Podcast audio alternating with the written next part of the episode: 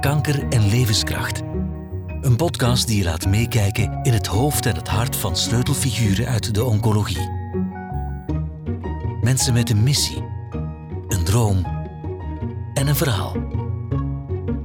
Naam, Joris Verlooy. specialisatie, Ik ben kinderarts, oncoloog met eh, interesse in de levenseindeproblematiek. jaren actief, Goh, ehm, even rekenen. 22 jaar in de kinderoncologie. jouw motto? Heb geen spijt van genomen beslissingen. Ehm, dat leidt toch alleen maar tot negatieve gevoelens en gedachten. Luister en laat je raken samen met Bieke Illegems. Dag Joris, Dag Pieke. welkom. Eh, spijt, negativiteit hoor ik in jouw motto. Dat zijn twee dingen die jij niet graag hoort. Nee, eh, zoals ik het net zei, ehm, heb geen spijt van genomen beslissingen, want dat leidt tot negativiteit. Eh, het zijn dingen die achter je liggen en de toekomst heeft nog veel te bieden meestal en Ja. moet je voor gaan. Ja.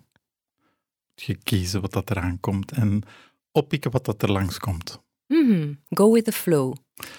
Ja, maar meer dan dat. Niet alleen go with the flow. Kijk ook wat dat er aankomt en neem daaruit wat dat de mogelijkheden zijn, wat dat er, ehm, wat dat er kansen bieden om vooruit te gaan, om ehm, meer te, te krijgen in het leven. Mhm. Ben jij eigenlijk een man met een plan? Wist jij bijvoorbeeld al van jongs af dat je iets met kinderen en in het medische wilde doen? Dat is dubbel eigenlijk. Ja, dat klopt. Ik, ik, ik wist al heel vroeg dat ik kinderarts wilde worden. Ik denk dat ik 16 of 17 was. Ik, ik ging veel babysitten, ik was veel met kinderen bezig. Mhm. En ehm, ja, ik wilde graag geneeskunde doen, dus ik, ik wilde ook duidelijk kinderarts worden. Ja. Maar nadien heb ik altijd het gevoel gehad dat ik ehm, ja, niet echt een, iemand was met een plan, maar eerder... Ik heb altijd het gevoel gehad van, ik ben in de dingen gerold. Mhm. Er, komen, er kwamen kansen voorbij. Achteraf gezien zal dat misschien ooit wel gestuurd zijn en heb ik ooit wel beslissingen moeten nemen. Maar toch had ik eerder het, heb ik altijd het gevoel gehad in mijn leven, ja, de, de zaken zijn, zijn zo gekomen omdat ik erin ben gerold, van het ene naar het andere. En ik ben waar ik nu ben. Ja, een beetje zoals je zegt in je motto van je hebt gewoon de kansen gezien en ze gegrepen. Ja, ja, ja. Ja. En, en niet teruggegaan naar, naar zaken waarvan ik dacht van, oh, dat had ik beter zo gedaan. Nee, Nee, geen spijt. nee, klopt. Om kinderarts te mogen worden, moet je wel geselecteerd worden. Mhm. Wat als je niet door die selectie was? Oh, dat was duidelijk. Dan ging ik, eh, dan ging ik huisarts Ja? worden. Ja, die keuze was ook heel... Of, of die, ja, dat was heel duidelijk voor mij dat het ofwel huisarts ging zijn ofwel kinderarts. Waarom? Ehm, misschien de, de algemeenheid, de, de veelzijdigheid van zowel het huisartsenberoep als ook het kinderartsenberoep. Ehm, uiteindelijk ben ik toch in een, een specifieke niche terechtgekomen, maar misschien dat het me eerder lag om, om eh, de mens in zijn geheel eh, Hm. te zien, te helpen, te genezen. Ehm, En nauw contact dan ook te hebben met, met je patiënten. Ja, dat is misschien pas later ook wel duidelijk gekomen, in, in, of duidelijk geworden voor mij in mijn, eh, in mijn carrière, dat ik ehm, eerder, eerder ging voor een, een discipline waar ik langdurig contact had met de patiënten, een relatie opbouwde en, en niet bijvoorbeeld zoals een, eh, een arts op de spoedgevallen die, die kortdurende contact had als een intensivist, heel intensieve, kortdurende, extreem zware situaties. Soms ging ik eerder voor de langdurige eh, contacten waar je een relatie opbouwt. Mhm. Ehm, ook wel zwaar uiteindelijk, maar op een heel andere manier. Ja. En hoe ben je dan in de kinderoncologie specifiek terechtgekomen? Ja, ik, ik hou mezelf voor dat ik ook daar weer ingerold ben, omdat ik... eh, ja, het was eigenlijk een situatie waarbij ehm, ik in opleiding was in een ziekenhuis waar er geen duidelijke kinderoncologische afdeling was. En er was net een, een uitwisseling met een andere collega van een ander ziekenhuis mogelijk. En ehm, daar kon ik dan wel kinderoncologie gaan doen. Mhm. En beviel dat je meteen? Eigenlijk wel, eigenlijk wel. Het was heel intens ook, want ik weet dat het in mijn, eh, mijn vierde, vijfde jaar opleiding was. En bijna even een, een, een dieptepunt heb meegemaakt, maar ook daar juist ben uitgekomen met het idee van, ah ja, dit wil ik graag doen, omdat ik er mij ook zo voor wilde inzetten. Ja, en, en vertel eens wat dat dieptepunt dan inhield. Um, ja, een kleine breakdown mag ik niet zeggen, maar toch, ja, dat het allemaal wat te veel was, stress. Maar dat was ook um, misschien geconfronteerd worden met die, die zeer intense band opbouwen met kinderen, met ouders. En daar dan ook mee leren omgaan. Ja. En dat, ja, dat is moeilijk op, op, op die leeftijd nog. Nog jong, ik heb nog niet veel meegemaakt in, in, in die carrière. En... Is dat dan ook twijfelen aan jezelf? Of je wel de geschikte persoon bent om, om dat te doen? Um, nee, dat was, niet, dat was niet twijfelen voor mij. Dat was eerder misschien een, een beetje overwerkt zijn op dat moment. Mm. Ja. Om er, uh, omdat ik er te veel in ging, te veel energie in stak. Ja. Dat ik dan even heb moeten afremmen. Ja. ja. Um, je zegt dat je het belangrijk vindt om goh, uh, niet negatief te zijn en geen spijt te hebben van beslissingen die je genomen hebt. Maar uh, je hebt wel in je leven moeilijke beslissingen moeten nemen. Hè? wat betreft je vak? Uh, absoluut, ja. Um, ja, dat zijn moeilijke beslissingen, zeker als het gaat over, um, over levenseinde. Mm. Als het gaat vooral over, gaan we nu nog voort met therapie? Zijn er nog mogelijkheden? En um, dat zijn moeilijke beslissingen waarvan we altijd zeggen, dat is in groep dat we die nemen. Dat zijn beslissingen die we samen met het hele team doen. Um, en toch vind ik dat heel vaak een, um, op het moment dat je die moet meedelen aan ouders en patiënt, een heel eenzame situatie. Mm -hmm. Je zit daar alleen als arts. Soms wel met een verpleegkundige erbij of een, um, een psycholoog erbij. Maar toch ben jij op dat moment de, de medisch verantwoordelijke. En, en vind ik dat een heel, moeilijke, een heel moeilijk moment, hoewel dat ik weet dat ik dat goed kan dat meedelen, maar vind ik dat een, een eenzaam moment. Om, om ja. Op dat moment is er toch nog altijd heel even die twijfel van, doen we wel het juiste? Mm Kiezen we wel voor het juiste? Is er niet toch nog een kans? Terwijl dat we, als we alles heel duidelijk naar elkaar, naast elkaar zetten op, op, op medisch vlak, dat we weten, het, het gaat niet meer. Maar toch blijft er altijd even dat moment van... Ja. En durf je dan ook die twijfel te laten merken, of is dat not done?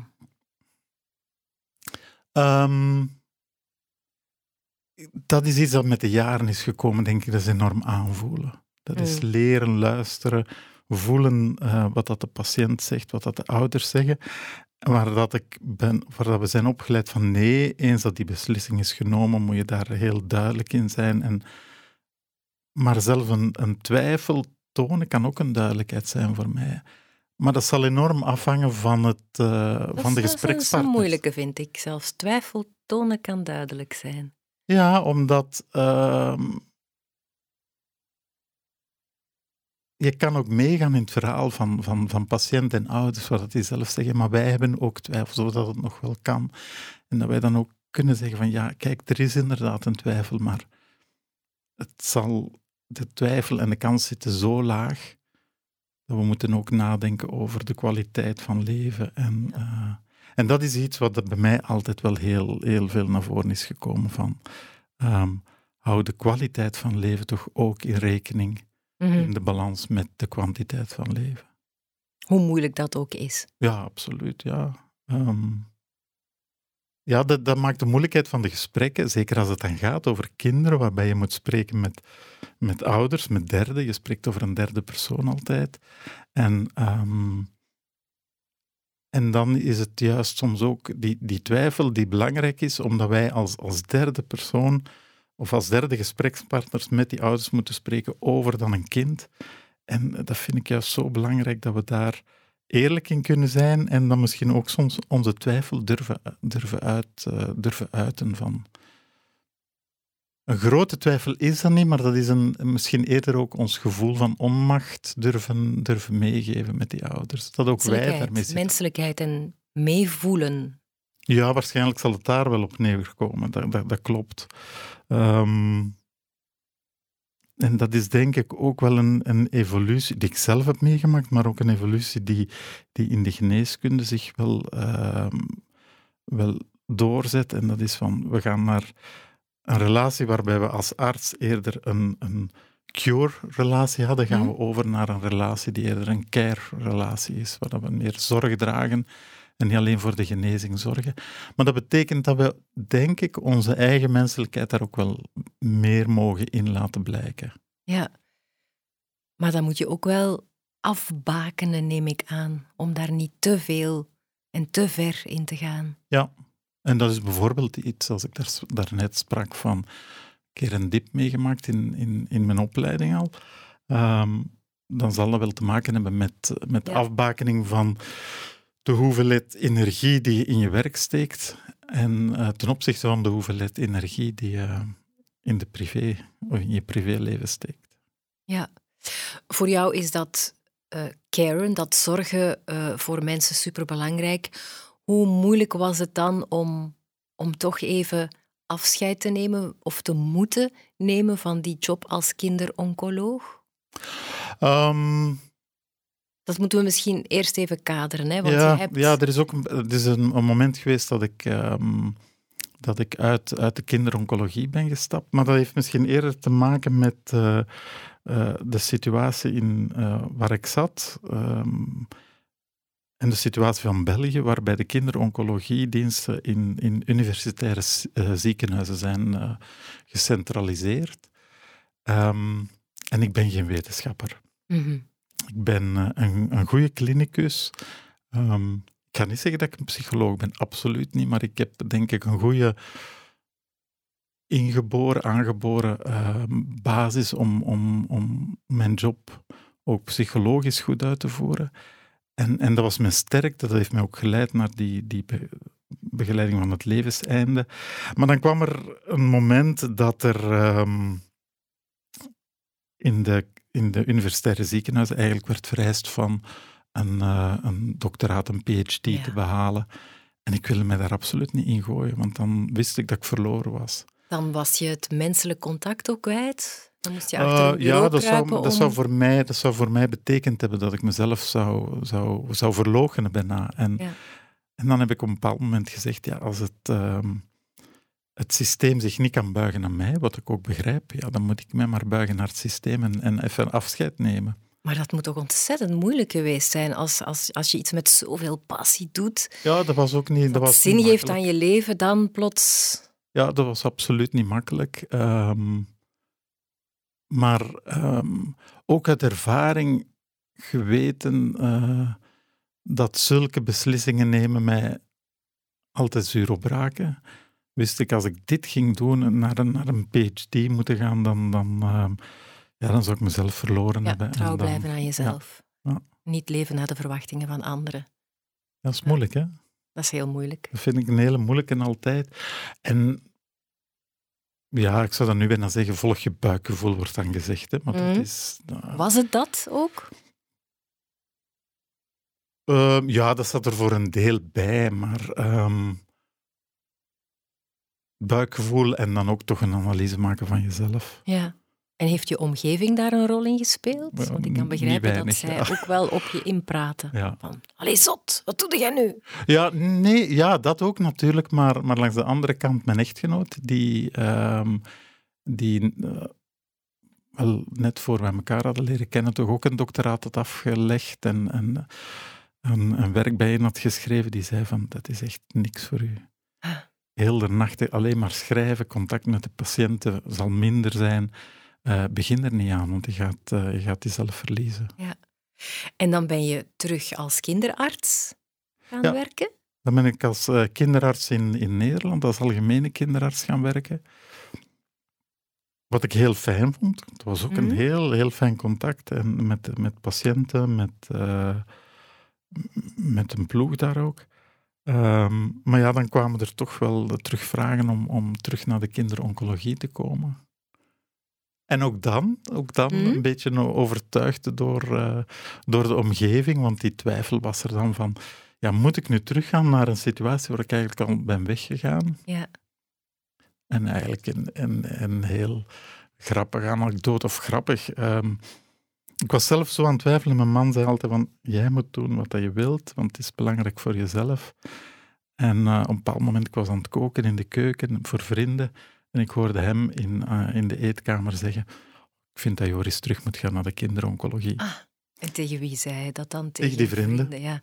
En dat was voor mij ook wel een beetje de, het tikje dat ik nodig had om terug, uh, om terug te gaan naar de kinderoncologie. Maar zonder de voorwaarden dat je ook moest gaan publiceren en een doctoraat gaan dat- maken. Ja. En geen, geen doctoraat, maar wat ik nu wel merk is dat ik uiteindelijk toch ook wel bezig ben met ondersteunen van het wetenschappelijk onderzoek. Hm. En, In de en praktijk dan? in de ja. praktijk en, en wou zelfs meer dan dat ook, ook eh, mee schrijven aan bepaalde projecten. Langs de zijlijn vaak, maar faciliteren noem ik dat dan. Wat dat ook belangrijk is. Heb je nooit spijt gehad van die stap? Ik mag niet zeggen stap terug, hè, want dat is oneerbiedig naar, naar kind, van kinderoncoloog naar kinderarts. Heb je daar nooit spijt van gehad? Nee, eigenlijk niet. Nee, ik, ik heb het al een- vaak gezegd en ik zou dan nog zeggen van misschien moeten we dat allemaal eens regelmatig doen. Mhm. Een keer even uit het vak stappen om te zien ehm, hoe het er langs de andere kant uitziet. Ehm, ik bleef natuurlijk in de kindergeneeskunde zitten, maar ik kwam dan eigenlijk op een positie, ehm, op, op een situatie waar, dat, waar, waar ik nu vaak kinderen doorverwezen kreeg door, door kinderartsen, zat ik toen op een positie waar dat die kinderartsen de eerste opvang deden van die, Ja. van die patiënten en de diagnostiek al deden. En, dan, ehm, en door dat mee te maken zag ik ook wat, wat de moeilijkheden van, van die situatie waren. Ja, wat heb je daar dan geleerd dat je dan meenam als je terugkeerde als Ehm, kinderoncoloog? Ehm, wat ik daar geleerd heb, is van, van, van toch wel eh, begripvol te zijn naar, naar situaties van ehm, dat het moeilijke, een moeilijke situatie is om, een kind, om als kinderarts een eerste diagnose te doen. Hm. Dat merken we vaak bij ouders, dat die zeggen van, hoe komt dat nu dat, eh, dat die diagnose, dat dat niet eerder is opgemerkt? Ja. Dat krijgen wij dan vaak te horen. En ja, wij krijgen bijna een diagnose op een blaadje aangereikt, om het zo te zeggen. Of toch een probleem op een blaadje aangereikt, terwijl die, die, die kinderarts, of de huisarts soms, die krijgt, eh, die krijgt een paar symptomen. Ja, En die moeten dan maar mee voort. En dan één consultatie, twee, drie, vijf, tien. En dan ineens is die diagnose er. En dan gaan we naar de kinderoncoloog en die krijgt het allemaal te verwerken. En dat, dat lukt dan.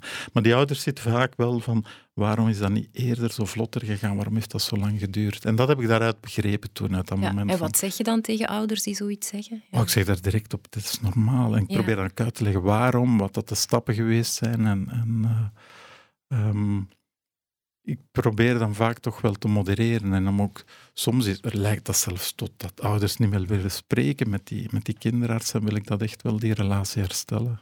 Mhm. Ja. Ehm, je zegt dat het belangrijk is om je aan genomen beslissingen te houden hè, en daar geen spijt van te hebben. Daar zijn we mee begonnen. Ehm, maar in jouw vak moet je ook vaak beslissingen nemen die eigenlijk gaan over leven of dood. Mhm. Geldt het daar ook? Ja, ja, uiteindelijk wel. Ehm, ja, en dan denk ik dat ik als kinderarts. Ehm,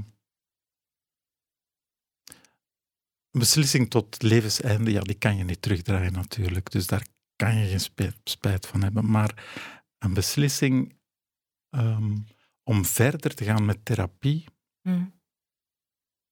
daar ligt soms mijn functie als kinderarts in, in een gezin, in een, in een, eh, een behandelingssituatie waarbij een kind, waarbij wij soms voelen als kinderarts van het kind wil niet meer. Ja. Wil niet meer voort. Maar de ouders willen wel. De ouders willen wel voort en dan moeten wij de spreekbuis van het kind zijn en zeggen tegen de ouders, wij denken eigenlijk dat het voor uw kind niet meer gaat. Ja. Dat uw kind eigenlijk niet meer zo ver wilt. Is het altijd het kind als patiënt eerst? Want je zou ook het andersom kunnen doen en kunnen proberen in zo'n situatie het kind te overtuigen om toch verder te gaan met behandelen, omdat de ouders dat willen. Nee, dat denk ik, dat is geen goede zaak, nee. Het is natuurlijk leeftijdsgebonden. Ja, Ehm ja want je werkt met kinderen tussen 0 en 0 18 en jaar. 18, dat klopt. Je zal een, een, een kind van, van 3, 4, 5 jaar anders benaderen dan een puber van 16. Zeker, zeker. En, en uh, we zitten natuurlijk ook met, met de wet waarbij dat een heel fluwe situatie is. De, recht op de, patiënten, uh, de wet op de patiëntenrechten zegt dan dat um, de ouders zijn verantwoordelijke, mm. maar een minderjarige moet mee kunnen beslissen, moet mee beslissen over zijn medische situatie van zodra dat hij dat kan inschatten. Maar Welke leeftijd is dat? is dat? Dat is niet gemakkelijk. En, en dat is dan onze taak om daarin tussen te komen. En daar ben ik, ben ik eh, altijd voorstander van geweest van, van de patiënt ehm, altijd aan het woord te laten. Mm. Ik probeer ook altijd als, als een, eh, een patiënt binnenkomt met zijn ouders, zal ik altijd eerst de patiënten aanspreken.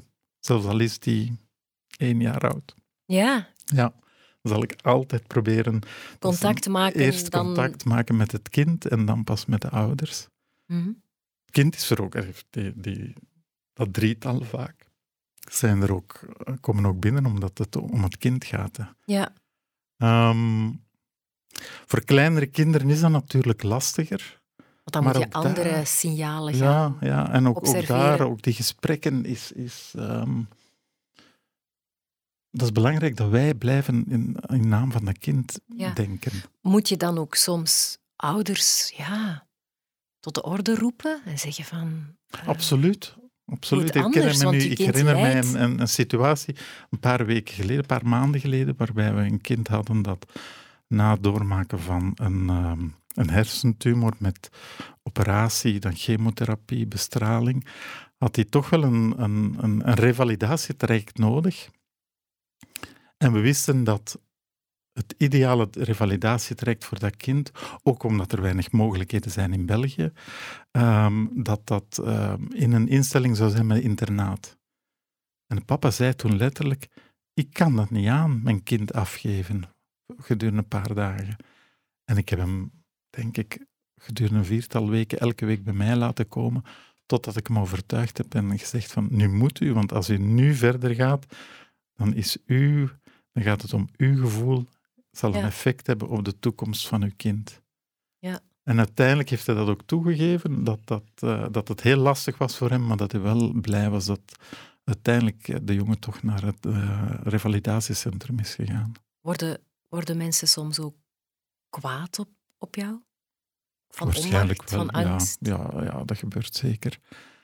Dat is, ehm, dat is lastig. Dat is. ehm, Ik denk ook dat minder gebeurt nu dat, dat je dat ook zo vraagt. Minder dan vroeger. Maar misschien eerder dat, ik, dat het is omdat ik het me minder aantrek of dat ik meer begrijp waarom dat ze, Ja. dat ze kwaad zijn. En dat ik daarin probeer mee te gaan of te gaan onderzoeken waarom en hoe dat we daaraan verder kunnen werken. Is er een, een soort standaard aanpak om een palliatief gesprek te voeren? Ehm, Om aan te kondigen van kijk, ik denk dat het gedaan is, dat het- we zijn uitbehandeld, we hebben geen opties meer en we moeten... ja, ik denk het wel. Ik denk dat er een standaard aanpak is. En Ik denk dat, het ook, dat ik dat zelf geleerd heb van mijn, eh, van mijn leermeester, mijn, eh, mijn vroeger diensthoofd in, in TUZ Gent, Yves Benoit. Mhm. die mij die gesprekken, als ik mij zijn gesprekken herinnerde, hij kwam direct to the point. Ja. En dat was bij een palliatief gesprek. Binnenkomen, ouders komen binnen, patiënt komen binnen. En dat is direct, ik zeg direct van, het is niet goed. Dat en dat en dat. Ehm, ik- dan doe ik nog een paar, dan geef ik een paar verklaringen, doe ik wat uitleg hier en daar rond, maar dat gaan we niet te lang houden, dat gesprek. Want eens dat je zo'n boodschap hebt gegeven, dan komt er niet veel meer binnen, denk ik. Nee. Maar langs de andere kant ehm, weet ik het nu ondertussen ook. Ouders komen binnen en willen onmiddellijk weten wat dat er juist aan de hand is. Ja, het heeft geen zin om er Nee. doekjes rond te Nee. winden. Nee. Nee. nee. Maar dat moet toch ontzettend moeilijk zijn. Ja, Of is dat ja, part of the job? Geworden? Ja, dat, ja dat, dat blijft moeilijk. Dat blijft Ja. absoluut moeilijk. Elke keer opnieuw is dat, ehm, is dat eh, energie opbouwen vooraf. Ja? Enorm veel. Dat is ehm, een beetje tegenopzien, absoluut tegenopzien, want eigenlijk is dat niet fijn. Um, dus vaak soms nog even de deur dicht doen, ademhalen en dan pas de patiënt binnenroepen. En dan, ehm, en dan die boodschap geven. Maar eens dat dat gegeven is, weet je ook van oké, het is gezegd. Nu kunnen we overgaan naar, um, ik kan niet zeggen de praktische zaken, maar toch. En dan is het, eh, kan je je houden aan, aan de praktische medische zaken om het wat meer te kaderen. En dan kunnen nadien weer de emoties er rond. Maar... Ja, zijn er dingen die je absoluut niet mag zeggen tegen zo'n mensen? Misschien ook advies voor mensen die luisteren. Wat ze niet moeten zeggen tegen mensen die net geconfronteerd zijn met levenseinde van zichzelf of van hun kinderen? Ik zou bijna zeggen nee, er is niks dat je niet mag zeggen, maar uh, dat, dat is ook weer, dan laat ik mij ook weer leiden door, door ervaring ik, ik, bij het ene gesprek zal het dit zeggen of, of bij het andere eh, dat. Maar, ik, eh, een advies dat ik altijd geef aan, aan jonge mensen of, de, de, assistent in opleiding is: pas op met uh, beloftes te maken die, die niet waar kunnen gemaakt worden. En zeker dan met zo'n palliatief gesprek, hou dat heel kort. Um, breng die boodschap over en plan in om nadien een, een, een, gesprek te doen over wat dat er nog kan qua, qua comforttherapie en, en al de andere zaken. Maar doe dat nadien uh, en wees heel voorzichtig met, uh, met beloftes te doen, met uitspraken te doen. Wil dat zeggen dat je mensen geen hoop mag geven? Want er zullen ongetwijfeld ook mensen zijn die in een soort van ontkenning gaan en het niet willen aanvaarden.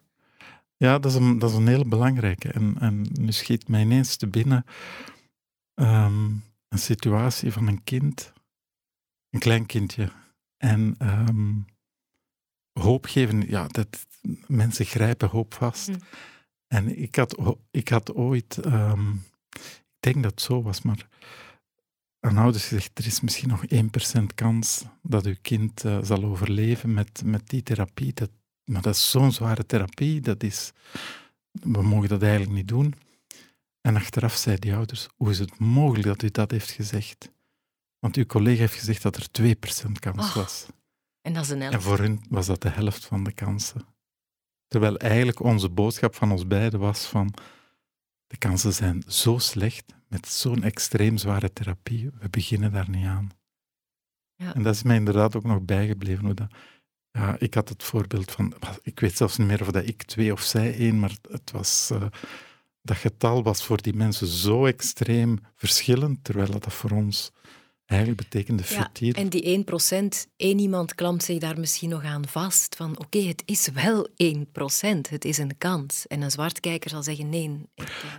Nee, dat is ook waar. En daarom ook, um, dat klinkt ook vaak dat we die gesprekken, dat dat zo'n zware gesprekken doen en dat we dat ineens ineens die boodschap moeten leveren, maar dat is ook niet. We, we bouwen een, een, relatie vaak op over weken, maanden, jaren.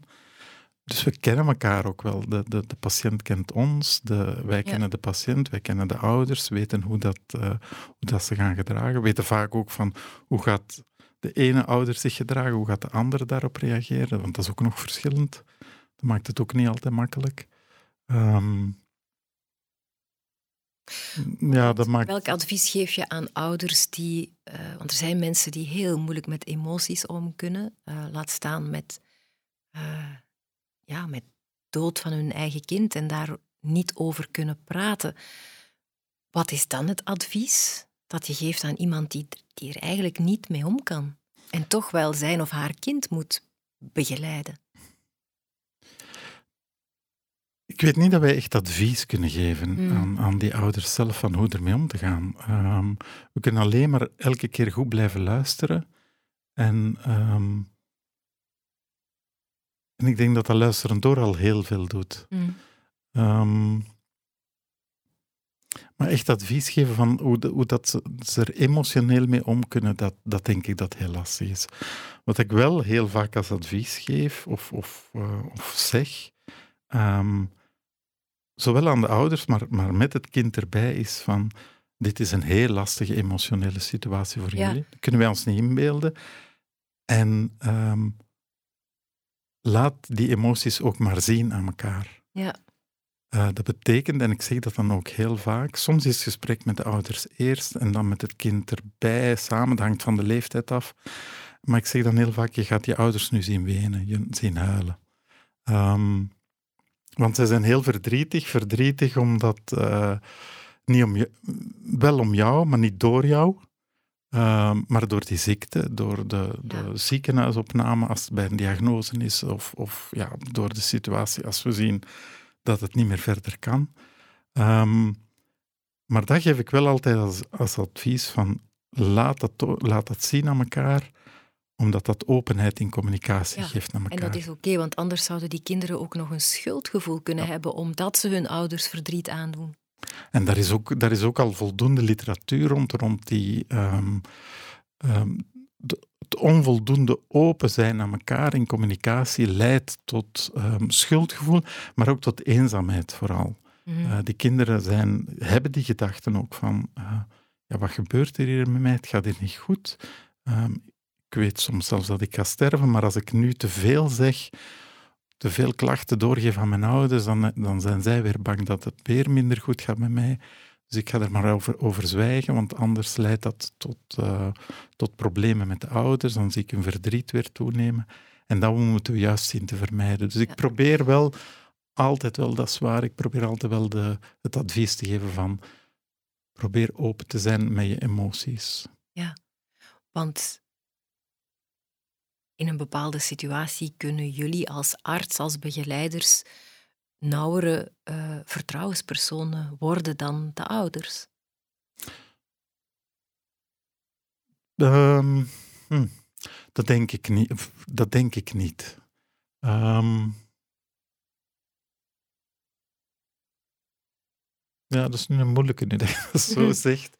Ehm, ja, misschien heel, heel af en toe gebeurt dat wel eens. En dan misschien nog eerder bij pubers, die, die wat meer teruggetrokken kunnen zijn. Ja, dan gebeurt het af en toe wel eens. Dat zal niet op alle vlakken zijn dat je dan de vertrouwenspersoon bent, maar, maar op bepaalde fysieke klachten misschien wel. En dan, ja, dan, dan dat, dat klopt, dan is het wel eh, onze taak om dat te zien vertalen. Ja. Niet altijd om heel letterlijk te zeggen, want vaak vragen zij ook aan, aan de arts van, van ook een bepaald vertrouwen niet te schenden. En, ehm, maar dat probeer ik altijd toch wel open te trekken. Dat is ehm, die communicatie tussen de, de, de jongeren, de kind en, en die ouders. Je bent eigenlijk aanwezig bij goh, zowat de meest intieme momenten in iemands leven. Hè, Je hebt in je opleiding geboortes, bevallingen meegemaakt en je staat er nu dagelijks bij aan het einde van jonge mensenlevens. Eh, dat lijkt me zo moeilijk. Mooi en moeilijk tegelijk. Ja, dat klopt, dat klopt. En eh, vanuit mijn opleiding heb ik, heb ik echt eh, schitterende ehm, herinneringen aan, aan die bevallingen. Mm. Ehm, niet, altijd, niet altijd eenvoudig, want ja, wanneer werden wij als kinderartsen bijgeroepen? Dat waren de, de risicobevallingen of, of de, de probleembevallingen, waarbij het kind misschien toch wel minder goed ter wereld kwam. Ehm, maar ik vond dat fantastisch Mm. tijdens de opleiding. Ehm, dat klinkt ik vind dat altijd heel gevaarlijk, ook in vriendenkring of zo, zegt men dan ook van, ja, dat is toch moeilijk, die, die levenseinde situaties en wat doet dat? En, en ja, dat, dat raakt mij ook. Maar ik vind dat bijna een, een voorrecht om er te mogen bij zijn soms. Ja. ja, ik kan me daar wel iets bij voorstellen, want ik denk dat mensen op zo'n momenten ontdaan zijn van al hun maskers en dat er een soort puurheid is die, die heel schoon kan zijn. Ja, ja dat, dat, dat is zeker zo. En ik ben dan ook al wel geschrokken van, van, van mijn eigen rol soms in, in het leven van die, van die kinderen. Zo? Ehm, ja, als een, als een 16-jarige inderdaad vraagt van... ehm, voor mij is het genoeg geweest. Ik, eh, het is allemaal te veel nu. Ik, ik ben al vijf, zes jaar in behandeling. Aan het- niet continu aan het lijden, maar aan het einde toe wel. We weten dat het niet goed gaat komen. En als die dan zegt van, ik zou graag hebben dat jij erbij bent, Hm. dan, denk, dan schrik ik wel van, oei, oei, wat beteken ik eigenlijk voor die, voor die jongeren? Ja. Nu weer een, eh, een situatie van een jonge man, waarbij de ouders zeggen, we hebben een heel goed contact met de huisarts, dat loopt heel goed. Ehm, maar jij bent ons ankerpunt. Ja, en dat, dat komt dan ook wel binnen. En, Ja. Eh, Zo, wel een, een mooiere bevestiging van, van je job kan je niet hebben, hè? want je, je moet mensen gruwelijk nieuws brengen, maar tegelijkertijd klampen ze zich aan jou vast. ja, dat is zeker zo. Dat, dat, dat- dat- Ja. ja. Maar ehm, ja, dan, dan denk ik soms van, goh, ik beteken heel veel in het leven. En soms heb ik dan een beetje schuldgevoel. Ik beteken zoveel in het leven van dat kind, van dat gezin. Hm. En bij mij moet, wordt dat bijna een... Dat is gewoon een deel van mijn job. Ja. Dat klinkt dan zo bijna cool. En dat probeer ik wel niet te doen. Maar ik denk ook niemand van mijn collega's. We zijn allemaal eh, op een bepaalde manier ook in die job eh, geraakt, omdat we Ja. er toch een bepaalde betrokkenheid bij hebben.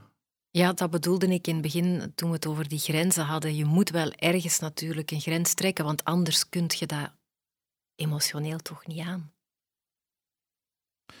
Nee, mm, nee, maar denk, ja, het, is, het is de verwerking daarvan die je met de jaren wel Hm. leert. Niet dat minder wordt, hè.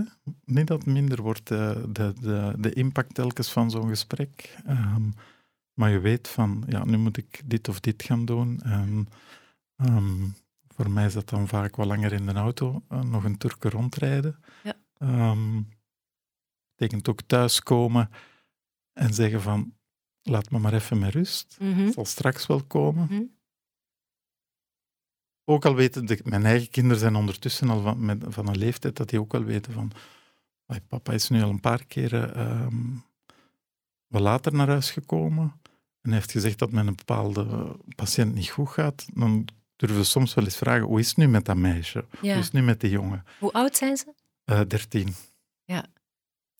En dan, ja, tegen hun kun je dan niet zeggen, tegen mijn echtgenoot kan ik wel zeggen, komt later wel straks, Mm. maar nu niet. Eh, ik heb het even nodig van alleen daarover na te denken. Ja, hoe ver ga je daarin om, om, om dingen met hen te delen? Want je wil hen misschien wel erin betrekken, maar ook wel wat beschermen voor, voor Ja, de donkerte ervan. Ja, absoluut. En dan, dan merk ik zelf dat ik, dat ik het zelf lastig heb met, met vragen. Als er te veel details komen, dan denk ik van, laat het maar. eh, Je moet Mm. nu niet te veel doorvragen. Hm. Terwijl dat, dat voor hun waarschijnlijk betekent, ja, we zien dat, je het even lastig hebt, we willen u helpen. Maar dan denk ik, ja, dat is, dat is, eh, ja, dat is ook leren omgaan met elkaar, maar dan in de Ja. thuissituatie. Ehm, ja, en mijn, mijn, mijn echtgenoot, die weet wel, dat, dat die avond uh, moeten, moeten mij niet te veel vragen. Ja.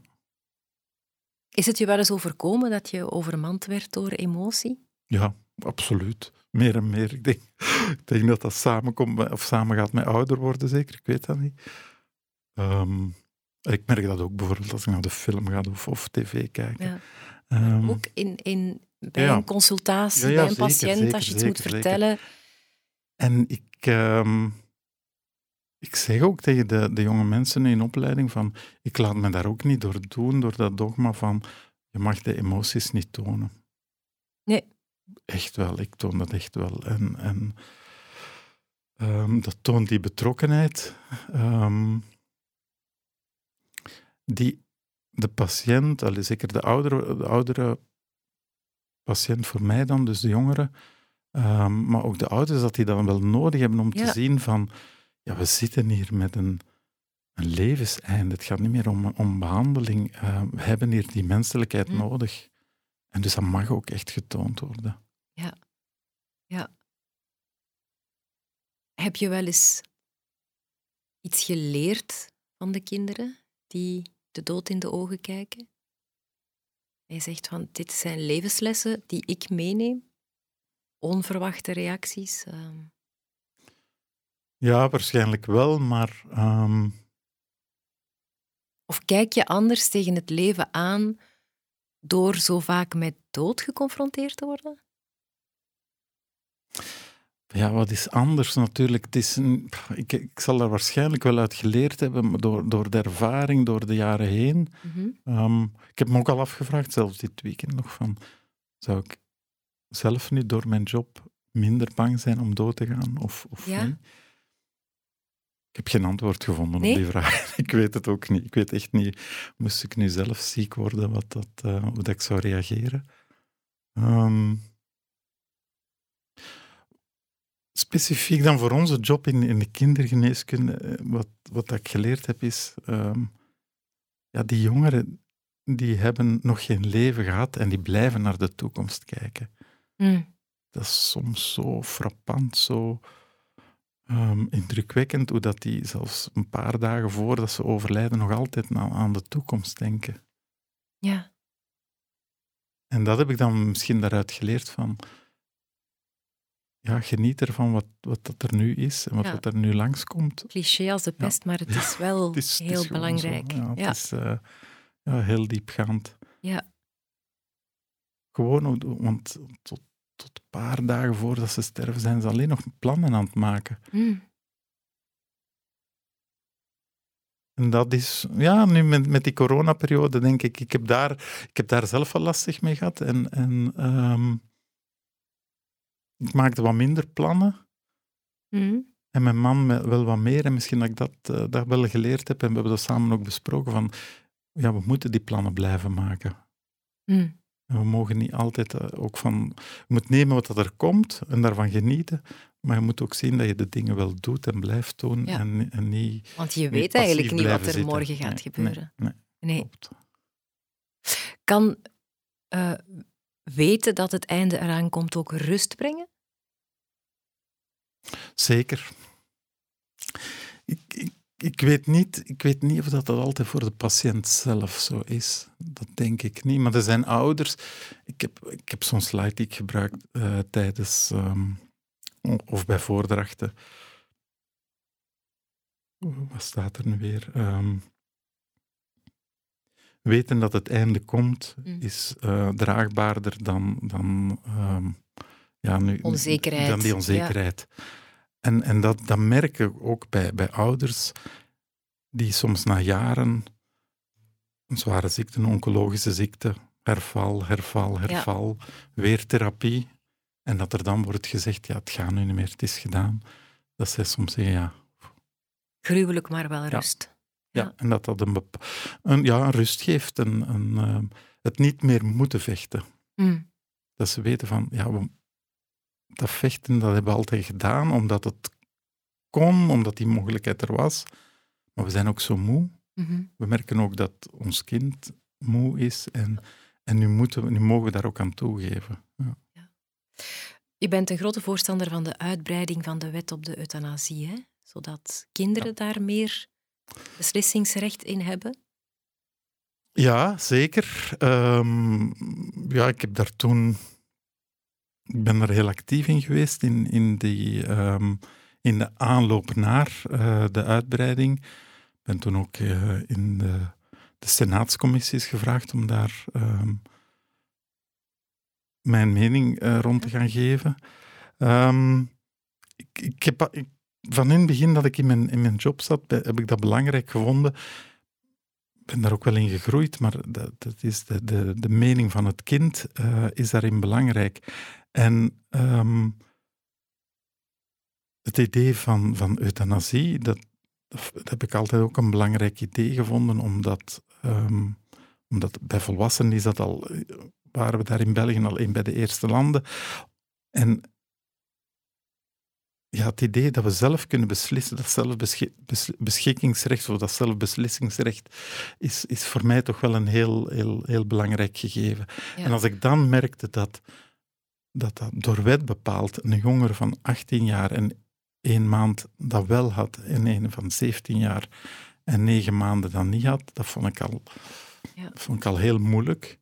En kan je daar nu een leeftijd op plakken? Nee, Vanaf wanneer dat dan... Nee, en ik, ik was uiteindelijk ook blij dat die, dat die leeftijdsgrens er niet is gekomen. Er zijn, er zijn genoeg collega's die, die daar oneens zijn met mij. Ja. Ehm, en die zeggen van, ja, we kunnen daar beter een, een leeftijd op, op plakken. Dan wordt er heel vaak twaalf jaar of zo aangehaald. Ehm, maar dat heeft te maken met, met andere zaken. Dat heeft te maken met uh, ja, hoe matuur is het kind. Maar die maturiteit wordt al bepaald door de ontwikkeling van het kind, uh, de natuurlijke ontwikkeling. Het ene kind is al wat sneller dan het andere. Maar ook door wat het kind heeft meegemaakt.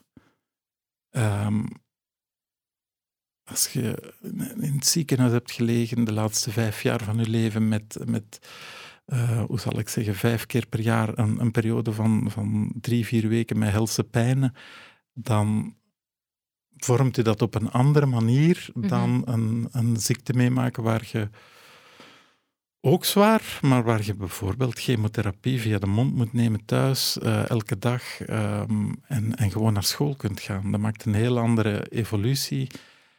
En ik vond het dan belangrijk dat we, die, dat we daar geen leeftijdsgrens op plakten, maar dat we elk kind casus per casus konden gaan bekijken. En, en daarin heeft de wet ons dan wel geholpen om, om daar geen leeftijd op te plakken. Nee. Moet je soms ouders terugfluiten om te voorkomen dat zij foute beslissingen nemen en dat je dan als arts het overneemt? Nee, en, en dat is ook een beetje, dat is natuurlijk Ehm, en ik snap dat ook wel met, met uh, het. Um, als men een wet gaat, uh, gaat stemmen, dan moet dat ook. Alle situaties moeten daaronder kunnen vallen en, en men moet, moet probleemsituaties zien te vermijden. Mm. Maar we moeten ook opletten dat we door het. Um, met het badwater het kind niet weggooien. Uh, ja. En Ehm, ik heb dat eigenlijk nog niet meegemaakt, dat we, dat we echt met situaties komen waar dat ouders en kind in een, in een situatie zitten dat ze tegenover elkaar staan. Gelukkig, inderdaad. Ja. Um, en er is dan nog een aanpassing van die, van die wet gekomen waar dat we um, de ouders moeten begeleiden, achteraf ook. Waar dat ouders ook wel akkoord moeten zijn met de hele beslissing. Dat er de, een psycholoog of een psychiater moet ook mee gaan beslissen uh, of dat een kind um, wel in staat is om die beslissing te nemen. Mm. Maar ik denk dat dat allemaal, um, dat het allemaal wel goed omvat is in die wet. Maar wat voor mij die, die wet nog meer belangrijker heeft gemaakt, of voor mij heel belangrijk is geweest, is tevoren hadden we de mogelijkheid niet. Mm -hmm. En we kregen heel vaak toch de, de vraag van ouders, ja, maar wat als het moment er is ja. dat het niet meer gaat?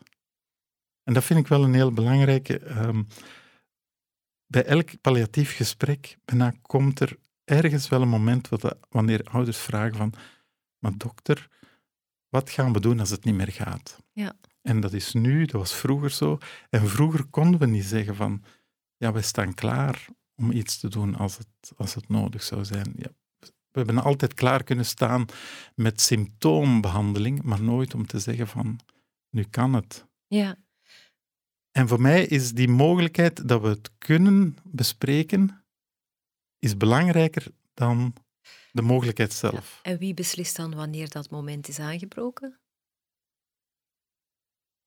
Samen.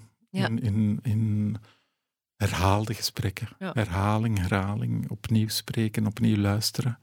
Um, maar heel vaak um, is er de vraag niet naar een euthanasie. Nee. Dat klopt, nee.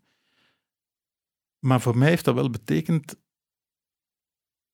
dat doordat die mogelijkheid er is, heb ik ook veel meer de kans om dat, om dat gesprek mogelijk te maken. Mhm. en, en dat is veel belangrijker. Ja. Want dat houdt die openheid, dat houdt die, dat gesprek ook tussen de ouders en de jongeren en het kind open. Ja. En zo heb, herinner ik me een jongen van een aantal maanden geleden, die altijd maar zei, ja, ik wil euthanasie en ik wil euthanasie. En dan, dan kwam de mama weer van, kunnen we terugkomen voor een gesprek? Ik zeg, ja, absoluut. Mm Maar dan bleek het niet te gaan over euthanasie, dan bleek het over, over een bepaalde symptoomcontrole of bepaalde zaken die, die hij nog wilde doen, waar, dat mama dan in staat was om ze uiteindelijk toch nog te organiseren, of waar dat hij van zei van ja, dit heb ik altijd gewild en het lukt niet meer, hoe gaan we daar nu mee om? Mhm. En dat is voor mij veel belangrijker, dat idee van begrijpen die euthanasie aan om dat gesprek open te houden tussen ouders en, en jongeren. Ja, begrijp ik. Ja. En af en toe is het al gebeurd. eh, dat is zo. Er zijn er niet veel, gelukkig, maar, maar het is wel zo. Maar het heeft heel veel veranderd in ons, in ons discours met ouders en, en kind. Ehm, ik ben zelf ook mama en ik kan het mij bijna niet voorstellen dat mijn kinderen zoiets gruwelijks als kanker zou overkomen, laat staan dat het eh, uitzichtloos zou zijn. Er zit toch altijd een, iets op van het is zo oneerlijk wanneer het kinderen overkomt.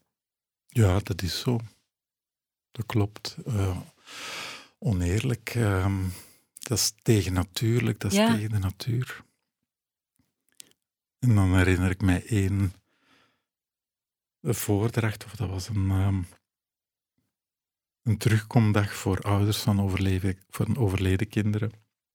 En ik zei ook zoiets van, ehm, ja, dat is tegennatuurlijk. Ja. En dan werd er een vader boos, die werd zo boos. Het is potverdorie de natuur die mijn kind heeft afgepakt. Hoe durft u te zeggen dat dat tegen de natuur is? Ah, ja. Maar dat is natuurlijk semantiek. Dat is, het is niet... Het is niet natuurlijk, of laten we zeggen, het is niet volgens de verwachtingen. Nee. We verwachten allemaal dat onze kinderen ons overleven, dat zij Ja. na ons overlijden. En dat is natuurlijk wat dat we zien dan.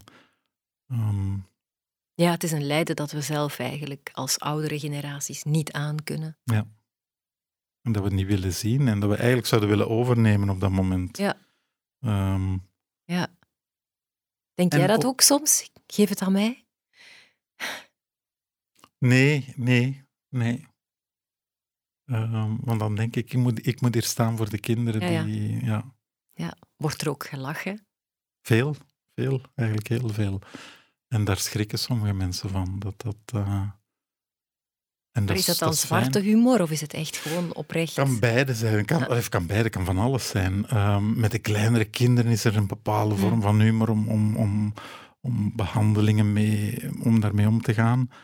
Ehm, maar ook soms heel zwarte humor, zeker bij die pubers.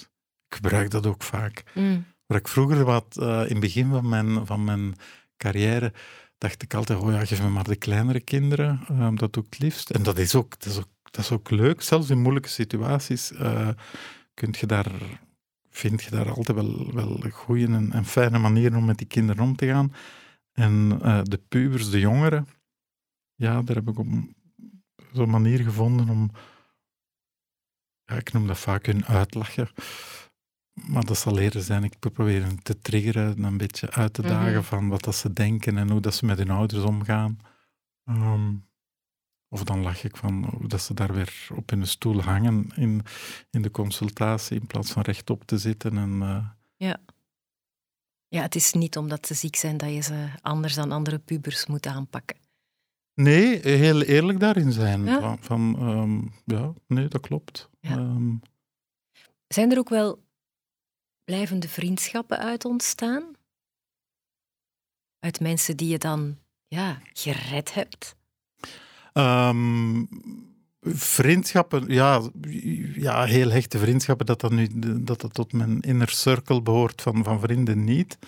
Ehm, collega's wel. Ik heb een collega kinderarts die, ehm, die ik ooit behandeld heb als kind. Eh, dat is ook wel fijn. Ehm, maar wel ouders waar, waarbij er toch Mhm. wel een, een intenser contact is en, en dat toch ook wel is blijven bestaan. Mhm. Ehm, En zijn er, eh, dat is misschien een, een, een vraag die wat cru is, maar zijn er ook ja, doodskaartjes die je inniger bewaart? Patiënten die je verloren hebt, die je heel, heel erg dierbaar zijn? Ja, nu, ik ben, ik ben niet iemand die... Nergens niet. Ook in mijn privéleven niet, die, die brieven en kaartjes bijhoudt. Ehm, maar dat is gewoon des mensens, denk Mhm. ik, dat het contact met de ene verloopt wel wat, wat intenser dan, en- dan met de andere. Ehm, ook, ook naar ouders toe. De- soms zijn er, zijn er ouders waar je direct mee voelt. Ja, de klik is groter dan, dan met anderen, ook Mhm. met kinderen. Ja, en er zijn jongeren waar ik echt... ehm, ja, die, ik- die ik toch wel in mijn hart blijf dragen, absoluut. Ja. Ja.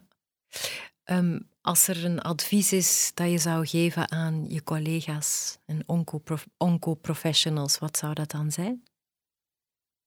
Oei, wat een Hm. vraag. Wees jezelf.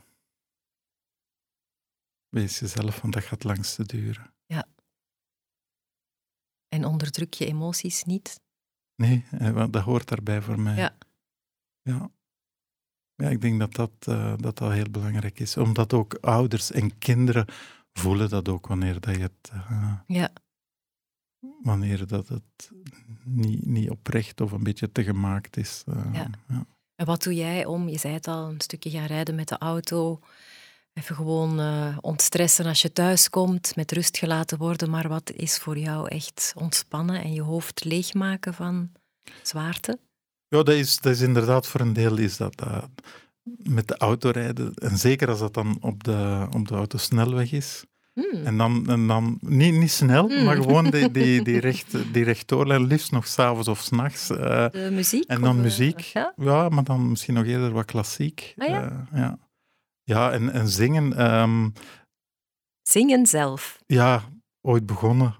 Ehm, ja, in een periode dat misschien ook wat minder ging van, ja, nu wil ik iets gaan doen ehm, waarbij ik iets creëer dat uit mezelf komt. Ik had ooit al wel muziek gedaan in, in, als jongere zelf. Niet echt heel lang volgehouden, maar alleen toch een aantal jaren. Piano gespeeld en alleen mijn noodleer en piano gedaan. En dan was het zo van, ja, wat, wat kan ik nu gaan doen? Welk instrument? Maar dan leek mij zingen, ja, dat had ik altijd al wel willen doen. En dan ben ik daarmee begonnen en via daar dan in een koor geraakt. Mhm. En, En, wat dat is, het je, wat is je stem? Welke? Ik denk eerder bariton. ehm, Hm? ik heb al bij de bassen gezongen, bij de tenoren. Ehm, maar het fijne eraan vind ik is ehm, hoe dat je samen iets kan creëren. Team. Enorm. Ja. En Als je dan bepaalde, bepaalde zaken van Bach of Hendel hoort, Mm. hoe dat, dat wordt opgebouwd, die verschillende stemmen samen, dan denk ik van ja, wauw, dat is knap. Nu zou ik u eigenlijk heel graag horen zingen. of dient deze podcast daar niet voor? Ik denk het niet. Oké, zing je wel eens voor patiënten? Nee, nee, nee. Nee, ik ben dan ook... Dat is nu wel iets... ehm, ik ben dan beginnen zingen, maar ehm, ja, in België is dat dan in het systeem van deeltijds kunstonderwijs. En dan hoorden daar weer die examens bij. Ah, ja. En dan dacht ik op een bepaald moment, ja, nu ben ik 45 geworden, nu moet ik hier nog examens elk jaar gaan afleggen.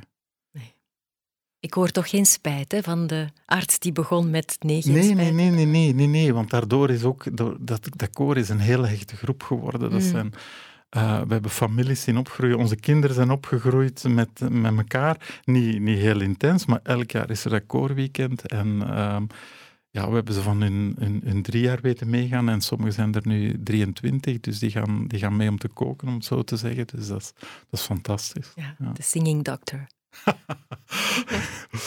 dat is nog een idee eigenlijk. Het zou misschien wel helpen hoor.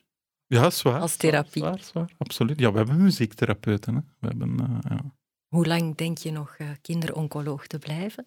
Ah, tot ik dood ben. Ja? Ja, kinderoncoloog zal ik blijven. Wanneer ik, hoe lang ik ga blijven werken, dat weet ik Hm. niet. Ehm, ik denk dat ik nu tot mijn 67 zal moeten, maar... Is er een plan voor wat je daarna zou willen doen? Nee. Ehm, nee, niet echt een duidelijk plan. Hm. Ehm, wel veel kunst. Mijn man is kunsthistoricus. Ehm, veel reizen en, en, en, en musea gaan bezoeken, dat wel. Ja. En wat meer concerten terug gaan luisteren. En zelf zingen. Ja, dat gaan we toch blijven doen, ja. ja. Oké. Heel erg bedankt voor dit gesprek. Eh, ik heb nog een laatste vraag. Aan wie zou jij graag de fakkel doorgeven? Dan denk ik aan, eh, aan Tessa Kerre. Tessa heb ik, ehm, heb ik gekend van toen ik eh, nog in het UZ Gent werkte. Zij is hematoloog. Zij is hematologe, volwassen hematologe, uh, hematologe voor volwassen patiënten. En ehm, ik heb haar gekend als, eh, toen, gekend, ken haar nu nog, maar als zeer gedreven en zeer bezig met haar patiënten. Super. Ik kijk uit naar dat gesprek en ik wil jou heel erg bedanken voor dit gesprek. Dank je wel. Plezier.